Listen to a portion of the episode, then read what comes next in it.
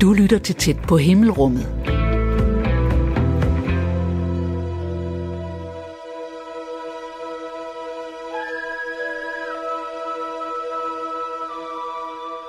Den er der jo bare himlen. Over husene, træerne, marker, veje og byer. De fleste af os studerer himlen sådan lidt tilfældigt. Overvejer måske, om de små vattotter i horisonten skulle nå at vokse sig til store regnbyer i løbet af dagen. Og måske spejder vi ind imellem længselsfuldt efter tegn på evig sol, sne eller stjerneskud. Andre mennesker kaster et anderledes professionelt blik på himlen og dens vedhæng, skyerne, blæsten og stjernerne. De professionelle jagttager af himlen har du kunnet møde i den her uge i tæt på himmelrummet. Den næste time bringer vi et sammendrag af ugens tæt på. Først med svæveflyver, flyveinstruktør og formand for Kolding Flyveklub, Thomas Dantoft, som har haft nogle helt unikke oplevelser, mens han har svævet rundt i himmelrummet. Fuglene, dem uh, bruger vi jo til at indikere, hvor termikken er, fordi alle rovfugle, de bruger jo også termikken til at, at flyve på, og, og man kan jo undre sig over, hvad, hvad en rovfugl, den skal helt op i, i halvanden, to kilometers højde efter. Hvad, hvad skal den dog helt derop? Kan den se musen fra den højde af? Øh, man tænker jo, at den ligger og flyver rundt deroppe, fordi den synes, det er sjovt et eller andet sted. eller fordi den skal flytte sig fra et sted til et andet. Ikke? Og så udnytter de jo på den måde også termikken, ligesom vi gør. Øh, så så, så rov, rovfuglene, de ligger og svæver i termikken. Og man kan være helt sikker på, at hvis man kommer flyvende i sin svæveflyver, og man synes, at nu ligger man egentlig i noget luft, der stiger sådan rimelig godt, men man kan så se, at der ligger en rovfugl 100 meter væk fra en, lidt længere ude der, så kan man være helt sikker på, at der, hvor rovfuglen ligger, der stiger det bedre. Så, så de ved altså på en eller anden måde, hvor det er bedst. De har en eller anden evne til det der. Men man kan sige, at de er jo også i luften hele tiden, så de mærker hele tiden efter. Ja, og de må være meget, meget fint følende over for det her med, øh, hvordan luften den arter sig, og de må kunne mærke på en meget fin måde, hvordan, øh, hvordan luften bevæger sig. Ikke også? Hvor, når vi kommer flyvende, så bruger vi jo selvfølgelig også vores krop til ligesom at fornemme, hvad der sker med luften, og vi kan jo også se det på instrumenterne i flyveren, ikke? Men, men, men jeg tror bare ikke, øh, vi er ikke øh, på samme måde født ind i det. men men øh, det kommer der derhen af, og jo, jo, jo, jo længere tid man, man dyrker sporten, kan man jo også mærke, at man, man får en bedre fornemmelse af, hvor man finder den her opdrift i forhold til nogen, der lige har startet. Ikke også? Det er ikke noget, man lærer på en dag. Nej, det er vel noget med at fornemme de små tegn. Det er det. Det er, det. Det, er, det er de der helt små input, man kan mærke på kroppen, at nu, nu bevæger den sig lige lidt, eller flyveren den vipper lige lidt til den ene side, som så, så, så er det måske fordi, man lige skal lidt til den anden side for at komme ind der, hvor det stiger bedst. Ikke også? Det er de der meget, meget fine input, man hele tiden lægger mærke til, mens man flyver. Ikke også? Og det bliver man hele tiden bedre til. Og, og, og, og en af de helt store øh, tilfredsstillende øh, egenskaber ved svæveflyvesporten er jo den her øh, med, at man, man kan blive ved med at udvikle sig selv til, jamen, til den dag, man stopper. Man bliver aldrig færdig med at lære, og man, bliver alt, man kan altid lære noget nyt, hver gang man flyver stort set. Det vejret er jo aldrig det samme, og, og det synes jeg er imponerende. Der er ikke ret mange andre steder, hvor, hvor der er så meget, øh, man, kan, man, man kan blive ved med at blive klogere på. Hvornår var du sidst ude at flyve? Øh, ja, hvornår var det? Jeg tror, jeg var ude at flyve i fredags. Det var sidste gang, jeg fløj, ja. Der var jeg ude at flyve. Der fløj jeg en time og 10 minutter i, i, øh, i den der moderne tosædet, vi har der, ja. Hvis du så siger, at du synes, du egentlig lærer noget hver gang, du er ude, hvad var det så, der var, sådan, du fornemmede af nyt der? Ja, hvad jeg lærte i tirsdags. Ja. ja. Jamen, øh, man kan sige, at nu er sæsonen i år er jo lige kommet i gang, ikke? Og, og vi har jo hele vinteren, hvor vi stort set ikke, øh, jamen der flyver vi jo ikke, vi flyver ikke svæveflyvning hele vinteren der. Øh, vi har en motorsvæver, vi kan flyve lidt på, men det er slet ikke det samme som, som at flyve øh, svæveflyene. Så, så øh, man skal jo lige, når, når sæsonen starter igen, og vi har også været udsat for, for det her corona øh, nedlukning her i klubben øh, i, en, i en længere periode. Ikke? Så vi er kun lige kommet i gang med at flyve. Og der kan man godt mærke, lige når man starter med, med at, at flyve øh, efter sådan en, en vinterpause, så, så skal man, man skal lige have det ind i kroppen igen. Man skal op, og man skal mærke lidt på, hvad sker der med flyveren, og man skal, man skal kigge lidt på, hvordan udvikler skyerne sig, mens man ligger under dem, og, og, og alle de her, hvad skal man sige, øh, øh, rutine ting, som man havde inde på ryggraden før her, dem, dem skal man sådan ligesom have i gang igen. så det var, det var egentlig det, man kan sige, det fik jeg jo meget ud af, bare på en time der i, i fredags. Hvad er det, der gør, at du er så fascineret af svæveflyvning? Jamen, det, der fascinerer mig mest, det er jo, at, at vi kan ligge og flyve i så mange timer, og, og, så, og flyve så langt, som vi kan, bare på ren, øh, på ren solenergi. Altså, det, det, det synes jeg stadigvæk, øh, når man tænker over det, det, det er helt fantastisk, at det kan lade sig gøre. At, at der kan være så meget energi i, i luften, øh, dannet af solen, og, og, og så kombineret med det her med, at, at altså, vi kan se, at fuglene, de, de, de er allerede 100 meter mester i det, ikke også, og ved, hvordan det foregår det hele. Men, men, men at vi hele tiden som svæveflyvere kan blive ved med at blive klogere på, hvordan udvikler vejret sig, og hvordan optimerer vi vores øh, flyvning i forhold til vejret, øh, når vi flyver. Og så er der jo konkurrenceaspektet også, når vi flyver Danmarksmesterskaber og andre konkurrencer i udlandet og sådan noget. Så, så, så det er jo en helt andet niveau, man kan bygge på der, ikke også? Så man kan blive ved med at udvikle sig, det tror jeg, det er det, det, er det store... Det, det der er den helt store tilfredsstillelse ligger, det der med, at man kan blive ved med at blive udvikle sig selv personligt, ikke også? Men når du er deroppe, og det er sådan, jeg har ikke prøvet det, jeg tænker, når der ikke er motor, og der er ikke strøm, er der så helt stille, når man sidder der? Ja, det er det. der, der er helt stille, og det er også en af de helt store øh, tilfredsstillende ting. Det er, at altså, hvis man sammenligner med så meget andet, øh, der bliver dyrket i, i fritiden, så, så er det jo tit noget med motor på. Øh, man, man kan sige sejlsport, øh, hvor man sejler sejlbåde med sejl og sådan noget. Det ligger jo også meget tæt op af, af svæveflyvningen, ikke også, hvor man er uden, uden brug af motor, og også på vindenergi, ikke? Øh, men, men, men ja, det er lækkert det der med, at der er helt stille, og man er ligesom i et med, med naturen, og når man så ligger og flyver termik og kan se, at der ligger en fugl sammen med en i termikken der, så, så føler man ligesom, man er, man er en del af naturen der på en eller anden måde. Ikke? Det, det er fantastisk det der med at opleve det. Men, men føles, altså ligesom man har følelsen af, at du nogle gange føles med en, med en rovfugl? Jamen det kan man sagtens have en fornemmelse af, fordi den ligger og flyver i termikken, og, og øh, den var der måske først. Det er de tit i hvert fald. Øh, det er tit os, der kommer bag efter dem. Og, og så, øh, så kan man se, at de kigger på en nogle gange. Så, øh, man kan, man kan, hvis man kommer tæt nok på, kan man se, at de drejer hovedet og kigger, hvad er du for en, ikke også? Men, men, men de, det rører dem ikke. De bliver ligesom liggende og, og fortsætter, uanset om vi er der eller ej. Så de, jeg tror, de har accepteret os. ja. Så det tænker jeg, det må jo være en helt fantastisk oplevelse, ligesom at være i øjenhøjde med en, med en ørn. Jamen det er det også. Det er det også. Bestemt. Bestemt. Vi mangler bare lige uh, jagtinstinktet. Vi er ikke på jagt efter mus, jo. Og vi kigger ikke lige ned. Nej, vi kigger ikke så meget ned efter mus. Det gør vi ikke.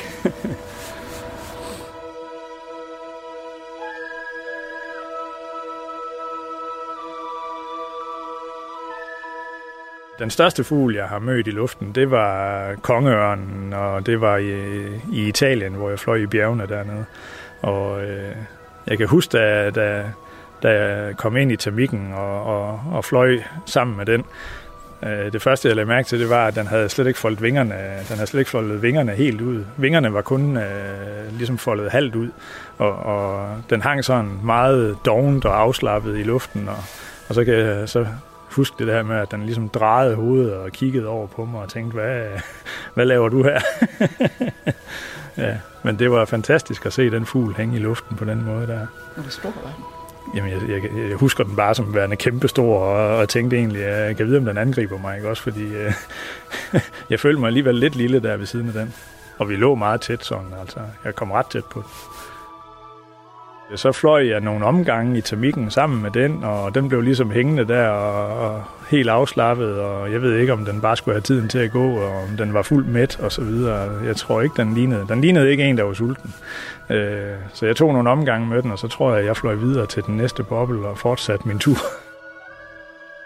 Det her med ligesom at være i, i, øh, i et med, med naturen på den måde, og, og, og faktisk være i, i miljøet sammen med fuglene på, på, i termikken. Der, ikke? Det, det, det, er, det er en helt, helt ekstraordinær oplevelse, som ikke ret mange når at opleve. Men oplever du så, når du er deroppe, at du sådan, hmm, jeg nogen vil kalde det at være i sind, eller at du er i fuldstændig koncentration om det, ja.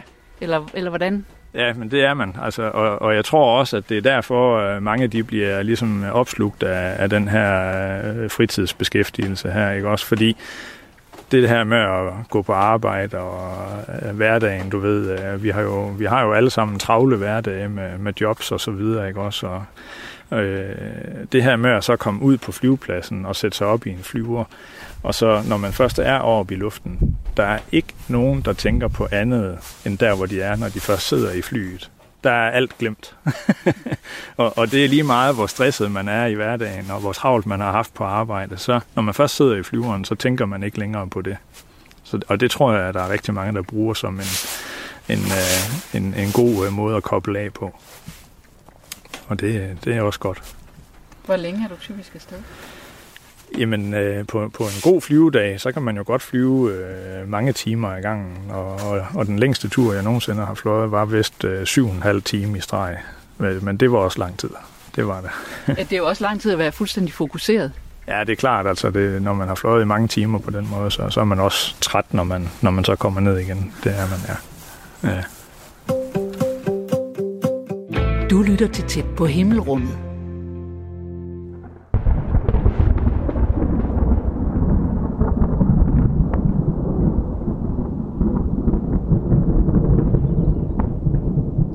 Anna Groth Grove fra Møller er metrolog og elsker vildt vejr. Både at analysere på som metrolog og at være ude at sejle i. Jeg har sejlet de her øh, sportsbåde, øh, og så er de ofte meget flade bådene øh, nede bag agter, altså nede bagved, og det gør, at de hurtigere kommer op og plane, og, og det er sjovt at sejle på sådan en halv, halv vind, øh, eller med vinden. Øh, og det gør vi på sådan nogle relativt kort baner. Øhm, så det er både sådan en følelse af at, at sejle stærkt, men der er også noget taktik i det i forhold til de andre både. Og, Hvad hedder det, det du sejler? Jamen, jeg sejler J70. Tisted Sejlklub har, har købt nogle J70'er. Øhm, det er den her bådtype, og de sejler så i Sejlsportsligaen øhm, som er en liga ligesom inden for fodbold, hvor man har første og anden division. Øhm, vi er seks både på banen, og så har man en i reserve. Og så skiftes man 18 hold til at, øh, til at sejle de her både på skift, så alle får sejlet mod alle. Øhm, Ja, og det synes jeg øh, det er super fedt, det der med, at man både er på vandet ude i naturen, der er noget taktisk, og så er det bare den bedste følelse, når, når man sætter den her genak, og båden den nærmest begynder at synge, fordi at man har ramt den, øh, den rigtige fart, og der er det rigtige vindtryk. Det, det er den bedste følelse. Det er en stor del af mit identitet, øhm, og det er også, øh, jeg det er også noget, der er vigtigt for mig sådan i forhold til at komme ud og opleve vejret.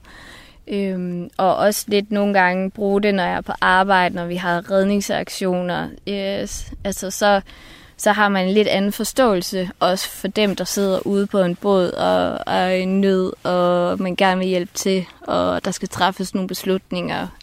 Det er jo altid piloten, der gør det i redningshelikopteren, men man prøver at vejlede så godt man kan. Altså til hvad de kan gøre i forhold til, hvordan vejret er? Ja, lige præcis. Øhm, hvis øh, skyerne ligger lige på grænsen til, at øh, de kan komme lavt nok ned til at se dem og sådan nogle ting, så, så er det jo godt både at have, øh, kende, eller have kendskab til, hvordan det er at nede på vandet, men også hvor, altså, hvor grænserne går for, for flyvningen. Kan du fortælle om et eksempel på, en, på et tidspunkt, hvor du har været med til sådan en, at hjælpe til sådan en redningsaktion?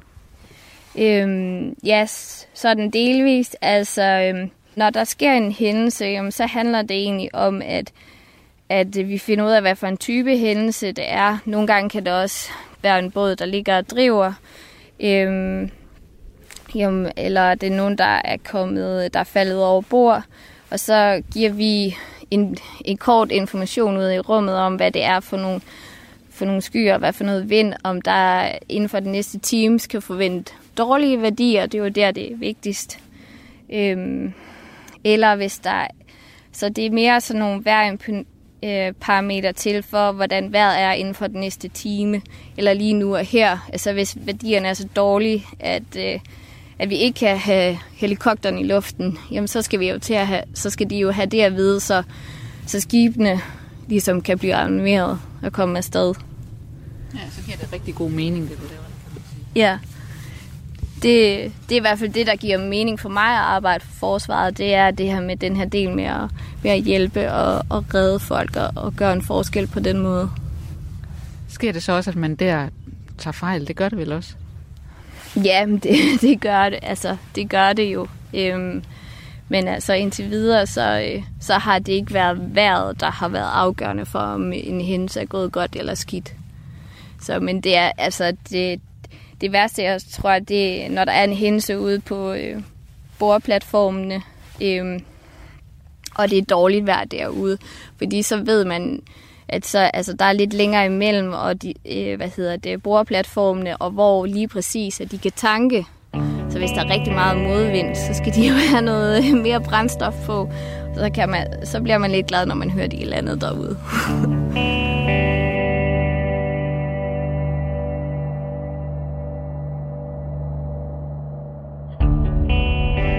Den bedste følelse er, altså, når man er på vandet, og man kan mærke det her vindtryk, altså, der kommer bagfra, når det er et vindstød, og så båden, den ligesom den bliver løftet op af vandet og begynder at accelerere, så har du både den der, altså, den der effekt af, eller følelse af at være i moder natur, hvis man kan sige det på den måde, samtidig med, at du har det der adrenalin fra, at det går stærkt.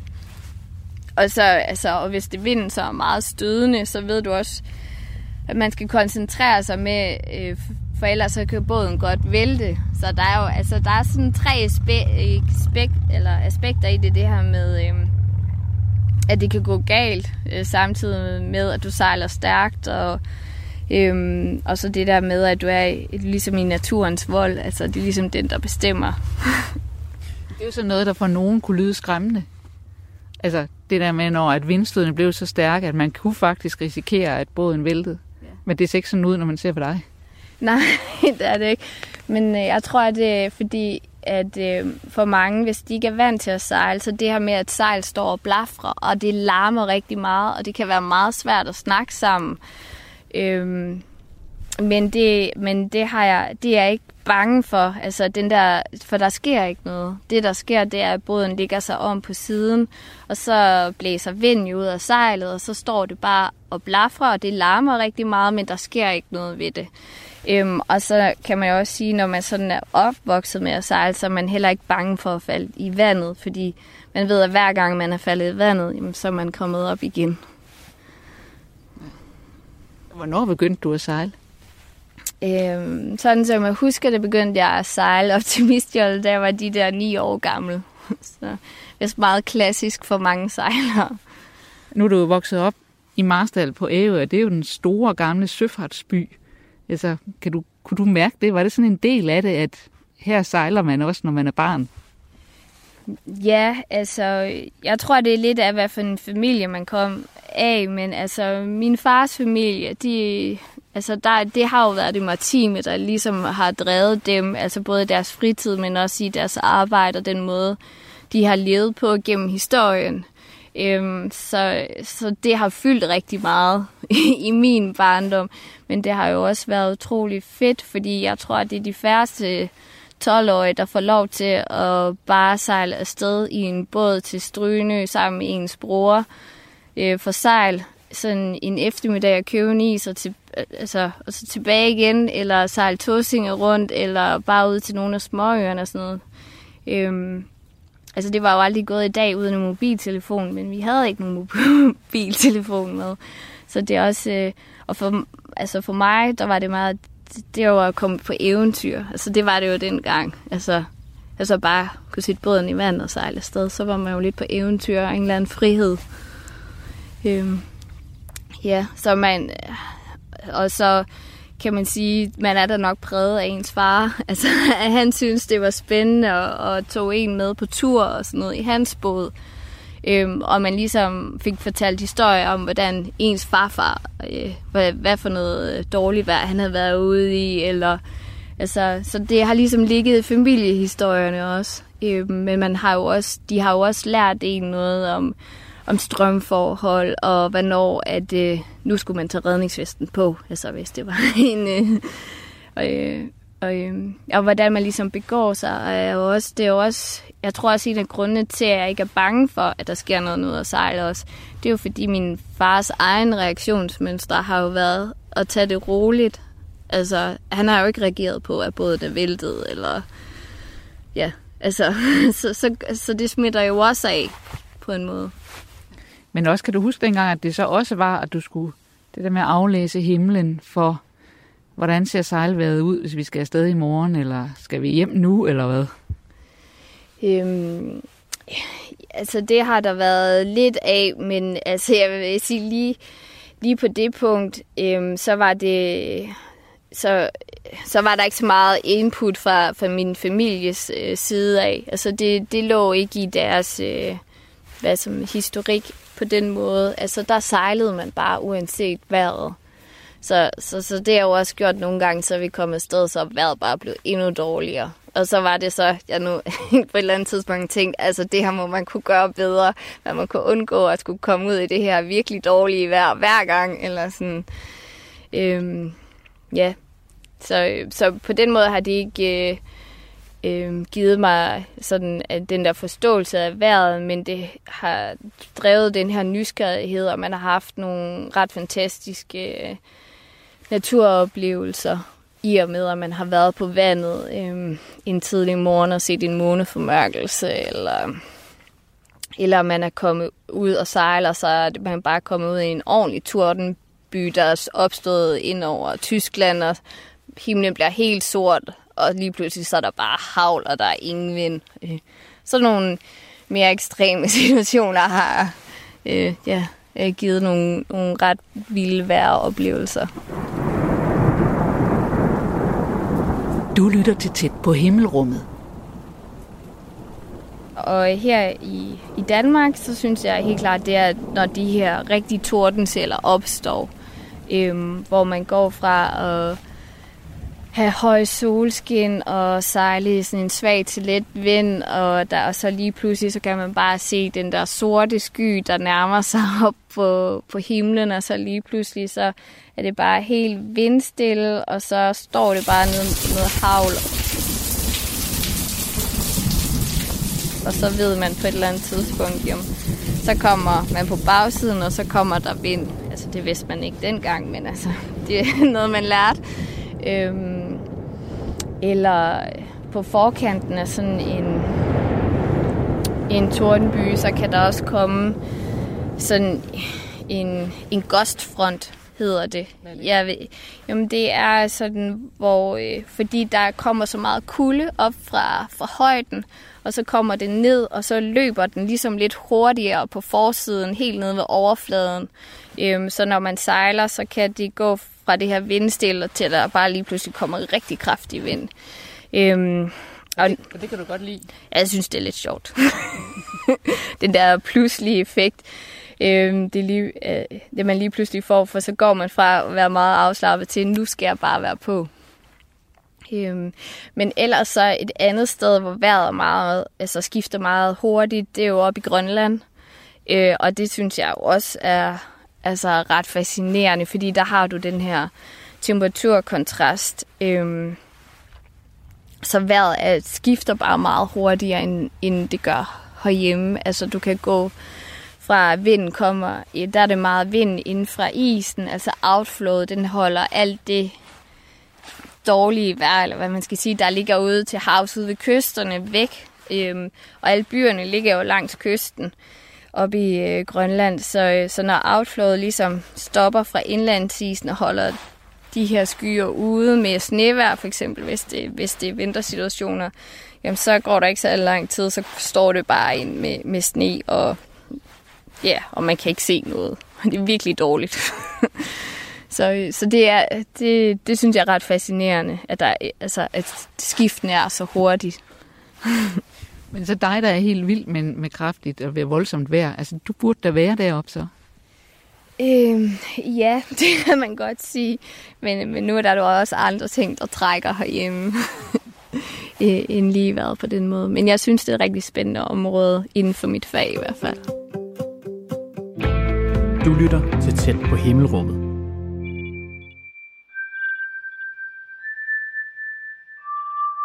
Dagens udgave af Tæt på Himmelrummet er et sammenklip af ugens afsnit. Og her kan du møde nogle af de professionelle iagttager af himlen, som Christine Sølling Møller og jeg selv, jeg hedder Jais Nørgaard, har mødt i programmerne. Må jeg gerne gå? Ja.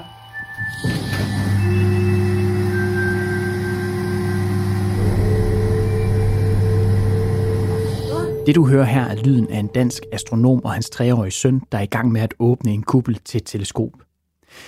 Teleskopet står på en tør plet græs i Queensland i Australien, og Mads Fredslund Andersen, som astronom for Aarhus Universitet hedder, har sammen med to af sine kolleger og nogle lokale astronomer med egne hænder samlet kuplen teleskopet står i og installeret teleskopet, der kører på software, de selv har udviklet.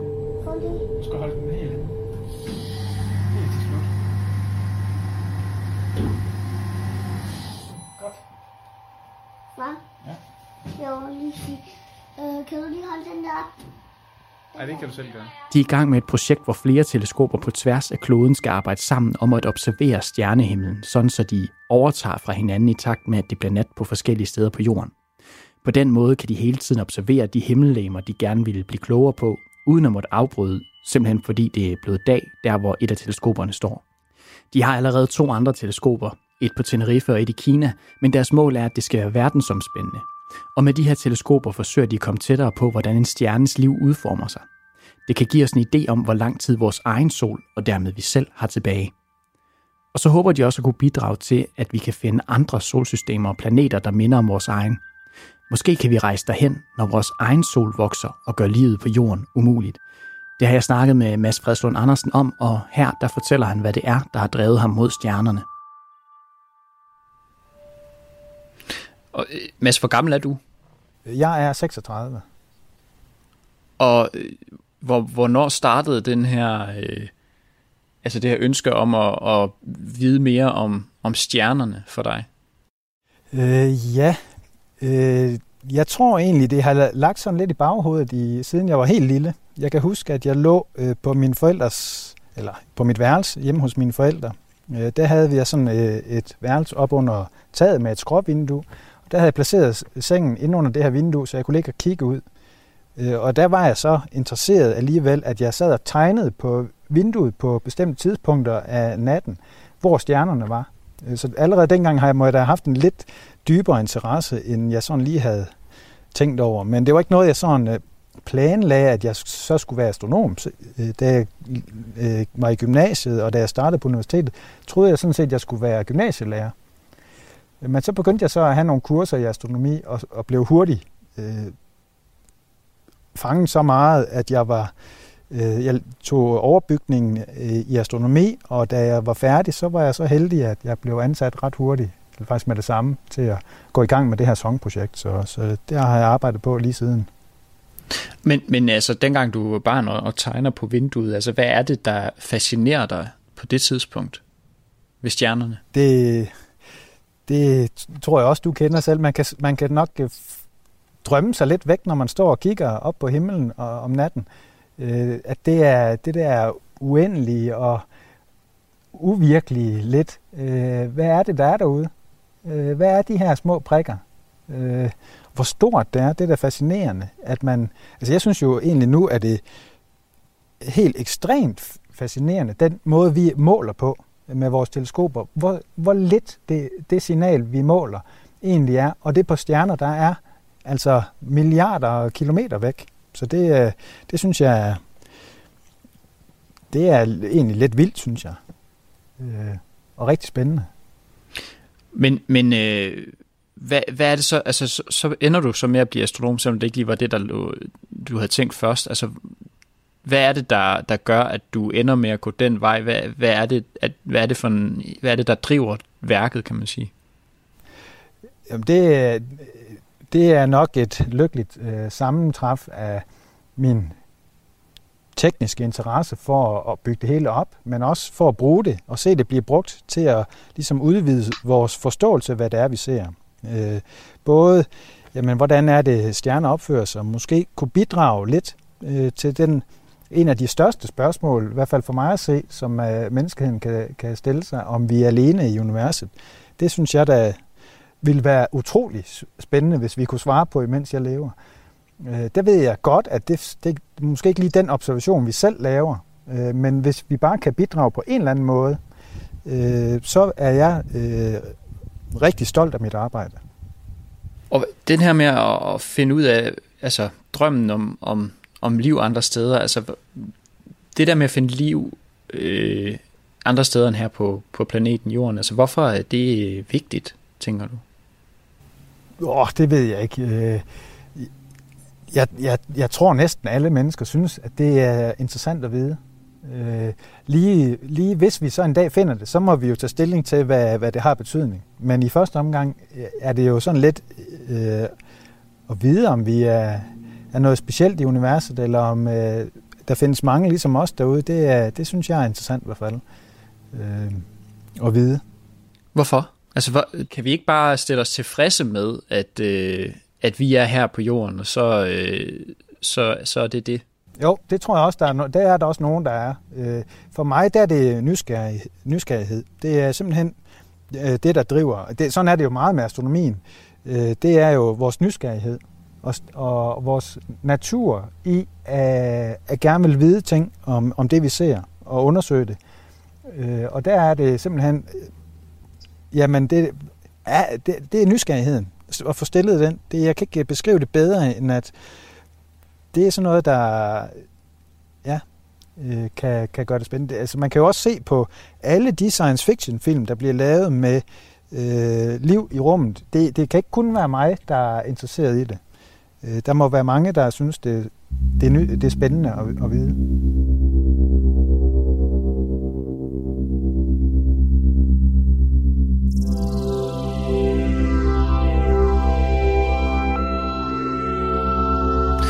Men udover liv i rummet, så, så det du siger, det er også det der med at forstå stjernerne. Altså, hvor, hvorfor tænker du, at, øh, at det er vigtigt, det der med at forsøge at forstå øh, og opdage de ting, som, som vi ikke bare lige, vi ikke kan måle her på jorden, for eksempel. Altså, øh, altså ja, hvor, hvorfor, hvorfor, det, hvorfor er det vigtigt at vende blikket ud af?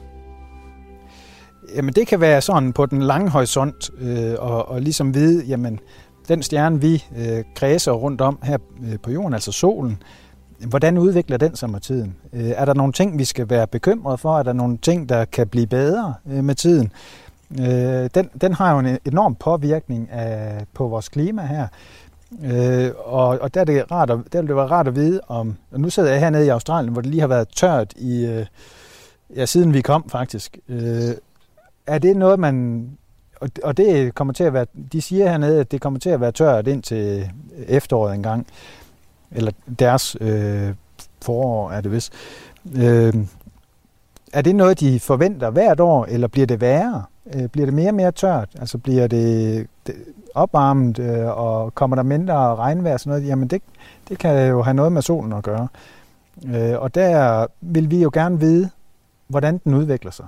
Altså øh, måske ikke på den korte bane. Øh, det, det, det har måske andre... Øh, det, det afhænger lidt af andre ting også. Men altså på lang sigt, om nu siger jeg for eksempel millioner af år, øh, hvordan, ser stjer, hvordan ser solen ud om en million år? Øh, det vil jo også være interessant nok at vide, om, om det vil være helt anderledes her på jorden til den tid. Men hvorfor egentlig? Fordi altså, menneskeheden er, er, er altså, i, i, i det tidsspektrum, du snakker om, der, der er menneskeheden jo bare indtil videre, i hvert fald vores eksistens, en lille bitte komma øh, på den, på den øh, tidslinje der. Altså, øh, hvor, hvorfor er det interessant at vide, hvad der sker om en million år, hvis vi, altså der er jo ikke engang en garanti for, at, at vi selv befinder os på planeten til det tids, på det tidspunkt. Ej, der, der kan man jo så have lov til at drømme og håbe, at, at der er nogle af vores øh, efterkommere, der lever. Men altså, hvis det så viser sig, at, at solen udvikler sig, så allerede om 10, lad os sige 10.000 år, noget, der ikke er så fjernt, øh, at der er der noget helt, altså der kan man måske ikke bo her på jorden. Det, sådan tror jeg ikke, det bliver, men øh, lad os sige, det, det gør det. Jamen så vil det være rart at vide, at have en forståelse af, jamen hvis vi, skal, hvis vi kan gøre noget selv, hvis vi kan rejse til et andet sted, hvor skal vi så rejse hen? Hvis ikke vi vender blikket ud af øh, og, og undersøger mulighederne nu, jamen så, så, så bliver det måske for sent en dag. Det, det ville også tage, tage lang tid at udvikle teknologien, der skulle kunne flytte os fra jorden til, til et andet sted.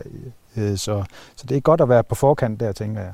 Så det, du, det jeg hører, du, eller det, der driver dig, det er også det her med vores arts overlevelse. Altså, kan du ikke fortælle lidt mere om det der med den der, man kan nærmest sige, omsorg for nogle generationer, som er langt, langt, langt, langt, langt, langt ude i fremtiden. Altså, det er ikke bare ens oldebørn, men, men mange tusind år ude i fremtiden. Hvordan kan du have, have, have det lange lys på på den måde egentlig? Ja, det er, det er et godt spørgsmål. Øh, det, det har jo nok flere aspekter i sig, men, øh, men det er jo, altså, noget, når man, mange af vores måder at arbejde på, og vores øh, idéer om at, at gøre vores verden bedre, kan jo på en eller anden måde godt være langsigtet. Sådan er det jo ofte. Øh, Øh, og, og begynde at sortere ens affald derhjemme, jamen det øh, hjælper måske ikke øh, i morgen, men det hjælper på den lange bane. Det her det er så måske lige skridtet længere ude i fremtiden, øh, kan man sige. Men, øh, men det er jo det er jo også, øh, altså, alt tyder på, at der, der er lang tid til, at tingene kommer til at ske. Men det, øh, det kan jo vise sig, at vi finder ud af noget øh, øh, undervejs, øh, som, som kan ændre vores fortolkning af det, vi har set tidligere øh, let. Det tror jeg nu ikke øh, bliver, den, bliver den helt store, men... Øh, Hvad er det, du forestiller dig der, for eksempel? Jamen, det kunne være, at vi havde, havde lavet fejl i vores tidligere beregninger, at, øh, at at det allerede er om øh, 2 milliarder år, at solen den vil brænde tør for, for energi, men øh, det tror jeg nu ikke. Øh, men det er stadigvæk altså ude, langt ude i fremtiden. Øh, men der er, ja, det, det, det, det er faktisk ikke noget, jeg sådan tænker over, når jeg arbejder, at øh, jamen det er noget, vi, der først kan bruges om lang tid, eller at vores ting, det vi laver nu, det, det er jo bare nysgerrighed. Øh, det er jeg vil gerne vide, hvordan solen den udvikler sig. Øh, og både i morgen og i overmorgen og om en million år og en milliard år, og, og hvornår, hvordan ender den? Hvad bliver der af den, til, øh, når den er færdig med at leve sit liv?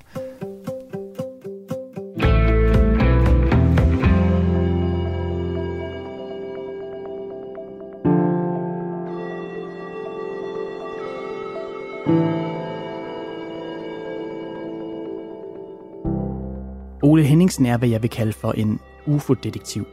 Han har været medlem af foreningen Skandinavisk UFO-information i 61 år. De modtager og opstøver danske beretninger om UFO'er. For her i landet, der ser folk ret mange mærkelige ting. Ifølge Skandinavisk UFO-information, så har de i løbet af de første 50 år af foreningens levetid modtaget i omegnen af 15.000 rapporter fra danskere, der har set noget underligt. Når sådan en beretning når foreningen, så sætter Ole i gang med at forsøge at løse mysteriet. Egentlig så startede hans interesse ved, at han selv som 16-årig købte myten om, at de mærkelige fænomener er rumvæsener, der er på besøg. Men sådan har han det ikke i dag. I stedet der mener han og resten af foreningen, at alt kan forklares med naturlige fænomener. Og det er så det, han forsøger at gøre, når han får beretninger ind. Og jeg besøgte ham i det lille gule bindingsværkshus, han bor i sammen med sin kone på Lolland, hvor han forklarer, hvorfor han er så optaget af at opklare mysterierne. Hvorfor, Ole, er det, at du er endt med, at det lige var, var de her uidentificerbare flyvende objekter, der, der har taget så meget af din tid og, og prøver at afmystificere? Men det, det er jo nærmest fordi, jeg fra starten af øh, havde en interesse for, hvad der foregik op på, på himlen. Og øhm, når man så så på det tidspunkt, hvor jeg interesserede mig for det fra starten af, som sådan en 16-årig knægt, øh, der var der jo tit, at der stod i avisen om, at nu havde nogen set det ene, og nu havde nogen set det andet, og man vidste egentlig ikke ret meget om de der ting. Så efterhånden så samlede jeg rapporter ind om de her ting, som også min omgangskreds de havde, de havde set.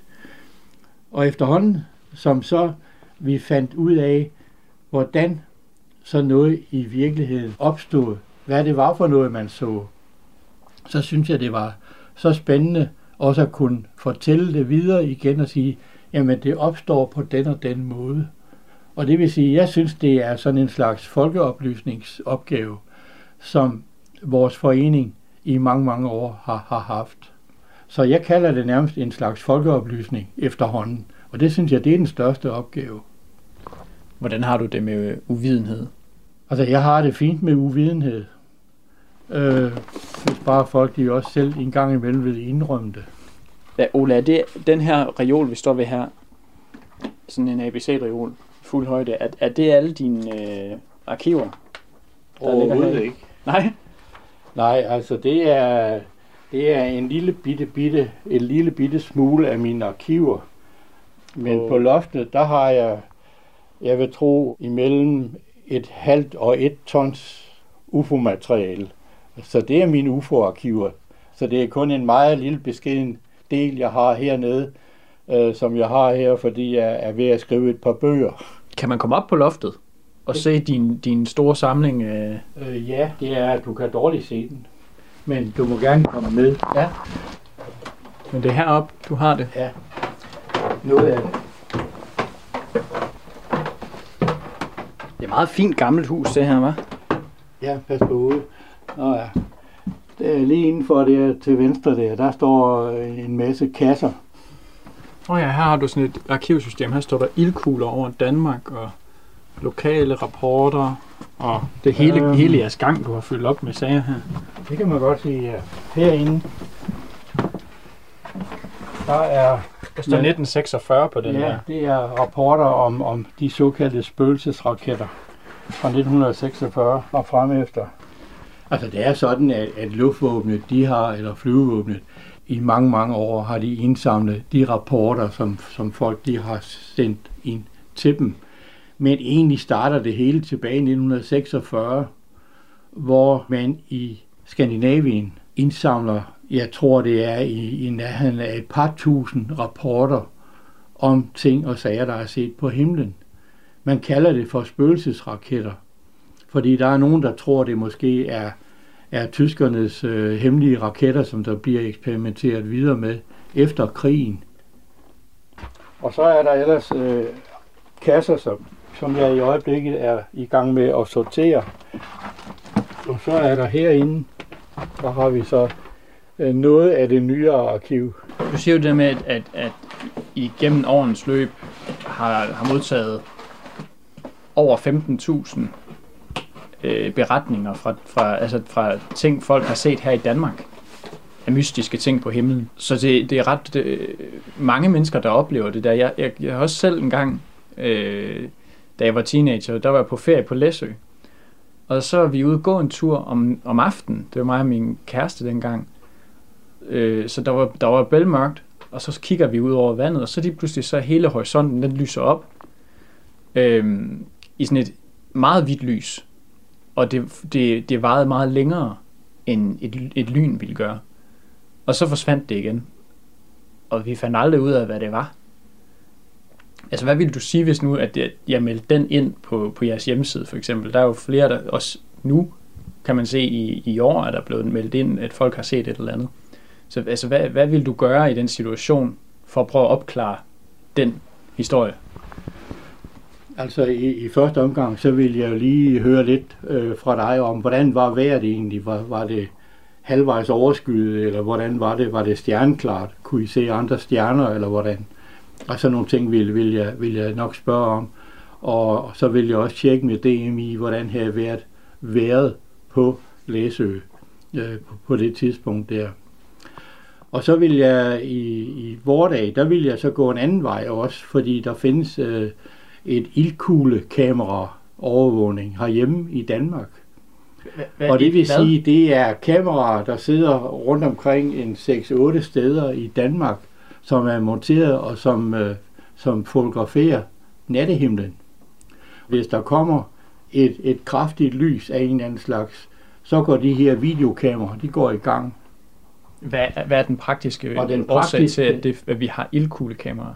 Det er fordi, hvis man ser øh, meget kraftige stjerneskud, så kalder man dem ildkugler. Og hvis man for eksempel kan filme banen på sådan en ildkugle, så kan man også i givet fald se, hvor der kan være falde en meteorit ned.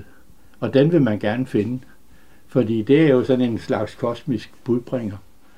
Så mit bedste bud, det ville være, lidt afhængig af de nærmere omstændigheder, at det kunne være øh, et meget, meget kraftigt stjerneskud. Så hvis jeg så hårdnakket stadigvæk holder på, at det var altså ikke et stjerneskud eller en ildkugle, jeg så, hvad vil du så gøre for at overbevise mig?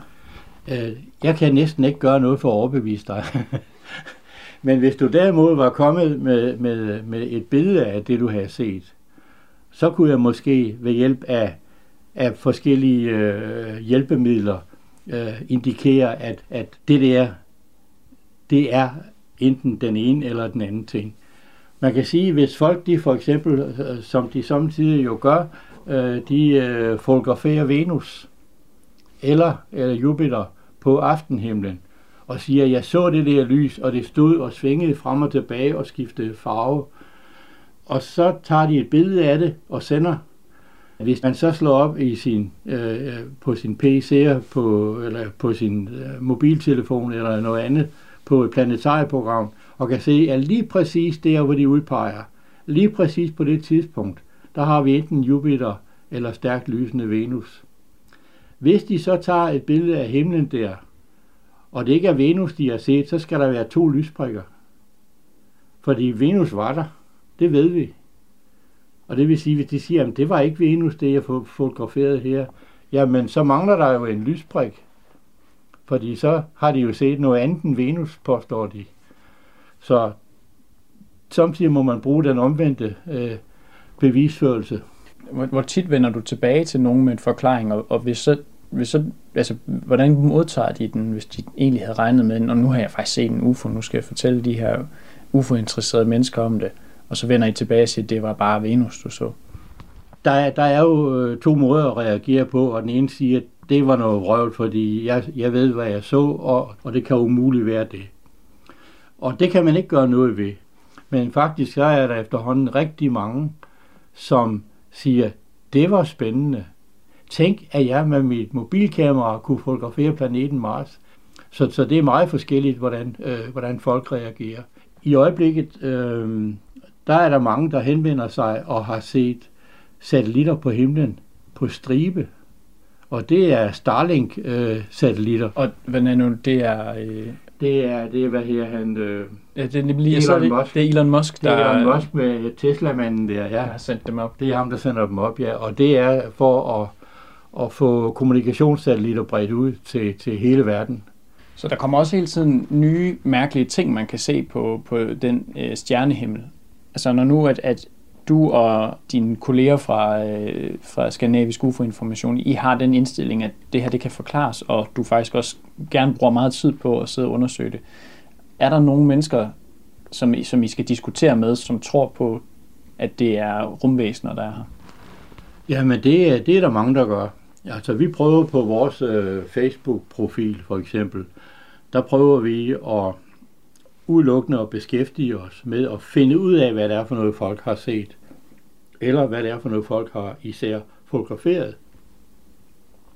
Og det er naturligvis, fordi det er min store interesse, det er der, hvor jeg synes, jeg har en, en vis ekspertise i hvert fald, i at kunne bedømme nogle, nogle ting.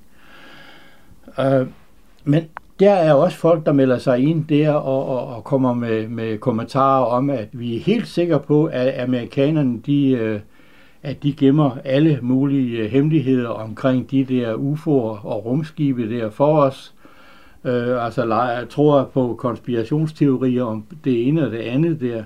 Det gør vi overhovedet ikke.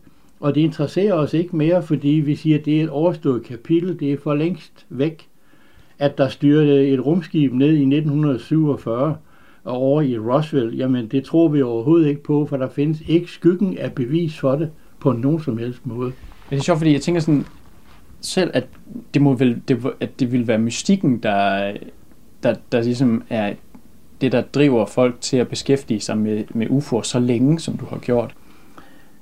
Mystikken, det var det, der var drivende i starten. Men nu synes jeg, det er mere interessant at løse mystikken. Det er meget mere interessant at finde ud af, hvorfor er det her mystisk? Og det er også interessant at finde ud af, hvorfor er det mystisk for nogle mennesker, og ikke for andre. Men det kommer an på, hvad for et verdensbillede vi har. Øh, der er også øh, mennesker, som på andre måder er religiøse, og det har jeg slet ikke noget øh, problem med. Folk de må tro på, hvad de har lyst til. Men lige præcis på det her område, at tro på, at der kommer, kommer fremmede rumfartøjer flyvende og, og, og lander og så videre, den skal de efterhånden længere ud på landet med. Det er interessant. Altså, er du selv religiøs? Overhovedet ikke. Jeg har meldt mig ud af Folkekirken for mange år siden, men det var mere fordi, at jeg synes ikke, der var nogen grund til at, hvad skal vi sige, at tro på, hvad skal vi sige, noget, noget højere end, end, end, end, end os selv. Udover at man kan gå ud en aften og kigge på himlen, og så kan man forundres over de mange forskellige ting, man kan se på himlen. Og man kan også overvældes af det, og, og, og hvis man kalder det en religiøs følelse, ja, det kan man måske godt. Men, men ellers religiøs, nej.